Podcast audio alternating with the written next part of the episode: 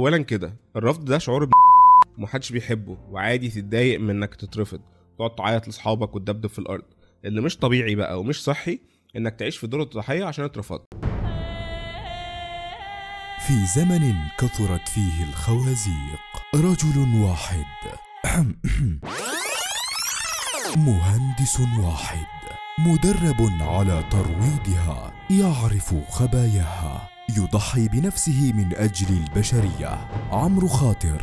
في رحلة للبحث عن ما وراء الخازوق في سكة سفر.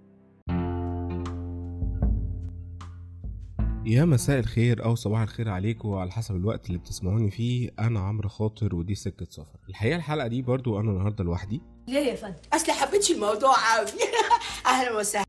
أنا بقالي فترة كده منبهر بالفكرة السائده إن ليه البنات ما بتحبش الجود بويز أو ال nice boys وهل ده حقيقي فعلا؟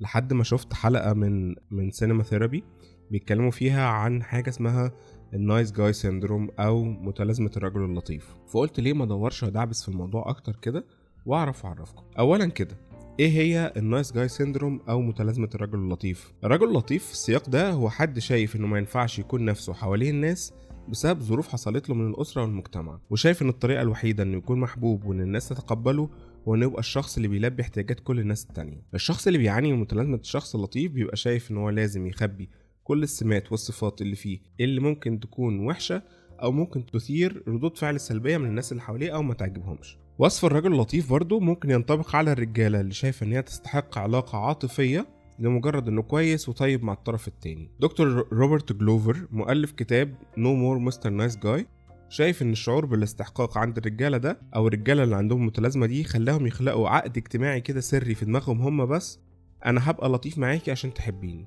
إيه ده انت ما حبيتنيش؟ رغم إن أنا كنت كويس معاكي. حسبي الله ونعم الوكيل في الستات. هي الستات كده بتحب اللي يديها على دماغها. للأسف العقد السري اللي هو عمله في دماغه ده أنا هبقى كويس مع حد عشان الحد ده يقع في حبي. بتخلي الشخص ده راسم خريطة وحاطط خطة غلط لحياته. عمرها ما هتوصله اللي هو عايزه. بيفضل يكرر كل الحاجات والغلطات اللي بيعملها وعشان كده برضو ما بيوصلش لحاجة. باختصار الشخص اللطيف أو اللي عنده متلازمة الشخص اللطيف هو حد بيسعى بكل الطرق إنه يرضي الطرف التاني ويلبي احتياجاته. بيحاول يظهر نفسه كأنه بيعمل كل حاجة زي الكتاب ما بيقول. بيتجنب الصراع مع الطرف التاني على قد ما يقدر.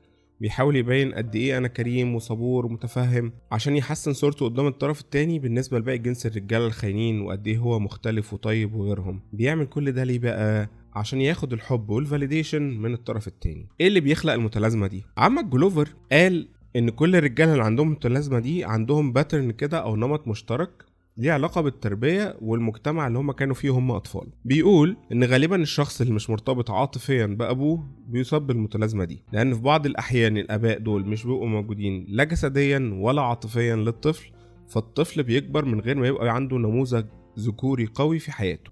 وانت السبب يابا اللي خليت بيا بيقول لك بقى نتيجة ده بيكون الطفل دايما بصحبة مامته إخواته البنات مدرساته العنصر الأنثوي بيبقى في حياته طاغي يعني. فبيتعامل مع الستات كنموذج وقدوة ومثال يحتذى بيه. بيقول كمان إن زي ما مهم للولد إنه يبقى فيه وجود أنثوي في حياته بس من المهم برضه لصحته النفسية إنه يكون محاط بنموذج ذكوري قوي.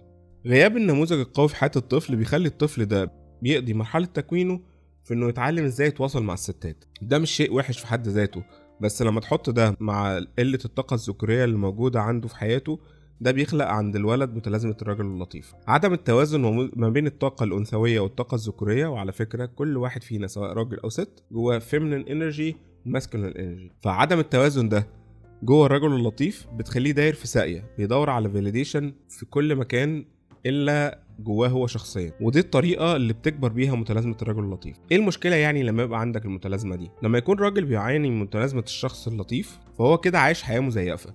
حياة عاملة زي حياة الحرباية بيتلون على كل لون عشان يرضي التانيين.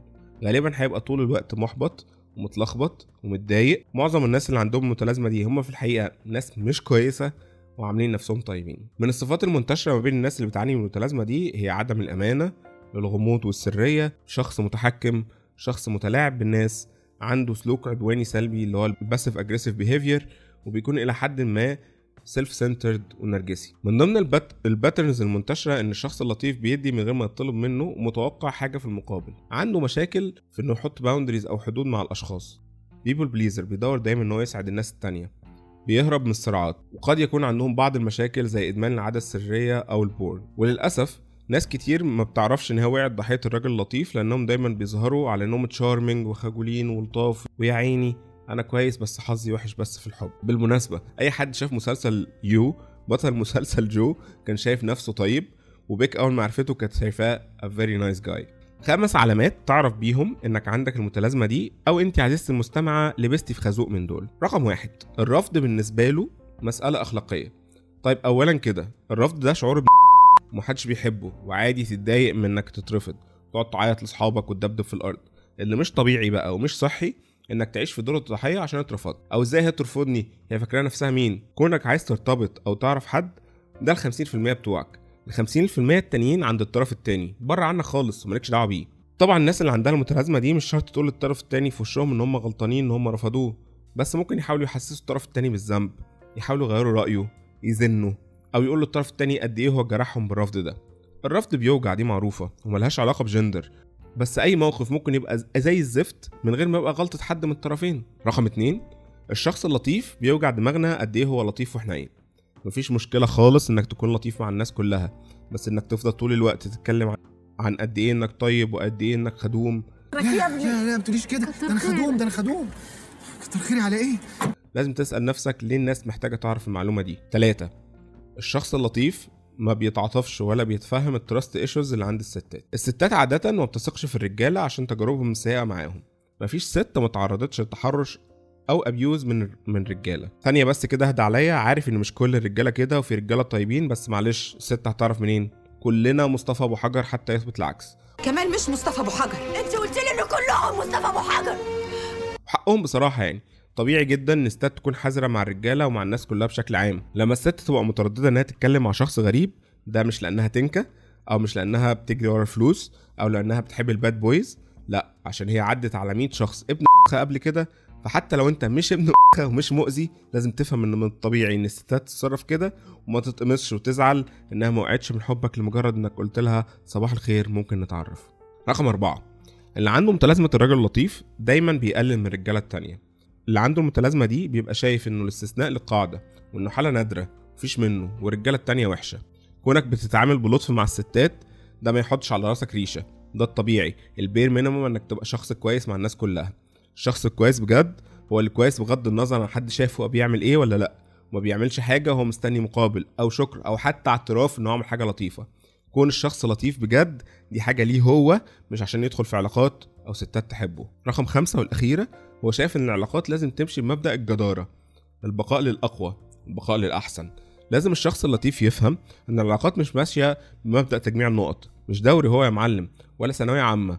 اللي هو أنا مجموع حلو حبين أنا مش هو. أنا جايب درجات أحسن منه في الأخلاق على فكرة. لازم تفهم إنك حتى لو شخص عظيم وكويس تجاه ست معينة ده ما يخليهاش ملزمة إن هي تحبك أو ترتبط بيك. الموضوع ده عامل بالظبط زي ما تقول لحد الله القميص ده حلو جدا. جرب كده تلبسه بنطلون. لو أنت صديق وافي جدا ليها مش شرط تكون حبيب كويس. الناس عاملة زي الليجوز كده في حياة بعض. في أماكن تناسبنا وفي أماكن لأ. في أماكن تركب فيها وفي أماكن ما تركبش. وده مش غلط. كل حد ليه اعتقادات واحتياجات وتفضيلات مختلفة. الرجالة اللي بتوصف نفسها nice guys دايما شايفين إن هم عشان كويسين فيحق لهم علاقات. اشمعنى الناس التانية؟ اشمعنى الناس الوحشة بتاخد علاقات؟ الخلاصة إنك لما بتعمل حاجة كويسة لحد عشان أنت مستني مقابل. ايا كان المقابل ده أنت كده مش شخص كويس أنت manipulative يا معلم. إزاي بقى نتخلص من متلازمة الراجل اللطيف دي؟ للأسف ناس كتير شايفة إنك لما كنتش لطيف فأنت وسخ أو شرير وده مخلي رجاله كتير محشورة في ال syndrome دي لأنه خايف يتصنف إنه شخص وحش أو مش كويس. الحقيقة الحياة مش binary الحياة مش صفر وواحد الحياة مش أبيض أو أسود. كونك متمسك إنك تكون nice guy ده معناه إنك بتتخلى عن احتياجاتك الشخصية مقابل اسعاد الآخرين من غير ما يطلبوا ده. أول خطوة تعملها إنك تكون صادق مع نفسك ومع الناس. قولي الحقيقة دايما حتى لو فيها حاجات مش لطيفة. مهما كان الكذب مغري خليك فاكر إن الأساس في إنك تتخلص من المتلازمه دي هي الصدق مع نفسك الأول قبل الناس التانية. تاني حاجة لازم تبطل تفكر بعقلية أنا بدي عشان آخد. That's what she said. لو عشت بالعقلية دي هتفضل فاكر انك عشان تاخد حاجة لازم تدي في مقابلها حاجة والعكس صحيح لو حد عمل لك حاجة فانت لازم تعمل مقابلها حاجة. حاول تتكلم عن احتياجاتك أكتر من غير ما تضيف بعدها وأنا هعمل لك كذا في المقابل. خليك اناني شوية مش عيب.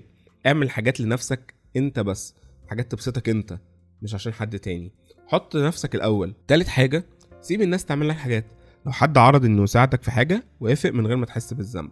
واطلب المساعدة وقت ما تحتاج. ابدأ بحاجات بسيطة زي إنك ممكن تطلب من شريكة حياتك أو اللي معاك في الشغل ممكن تجيب لي قهوة معاك وأنت جاي. آخر حاجة وأهم حاجة اتعلم تقول لأ. دي أقوى حاجة وأهم حاجة عشان تطلع من مطب النايس جاي. اتعلم تقول لأ عشان حاجات تتغير. ابدأ قول لأ لعيلتك ولأصحابك لما تحس إنك فعلا مش عايز ومش قادر تعمل الحاجات اللي طلبوها منك. آه وما تعتذرش إنك بتقول لأ للناس والحاجات. بس يا سيدي ودي كانت متلازمة ال nice guy. خليكم كويسين يا جماعة. خليكم decent مش عشان مستني حاجة في المقابل. خليكوا decent عشان ده ال bare minimum في أي علاقة إن أنت تبقى شخص كويس. أنا عمرو خاطر ودي كانت سكة سفر. أشوفكم المرة الجاية.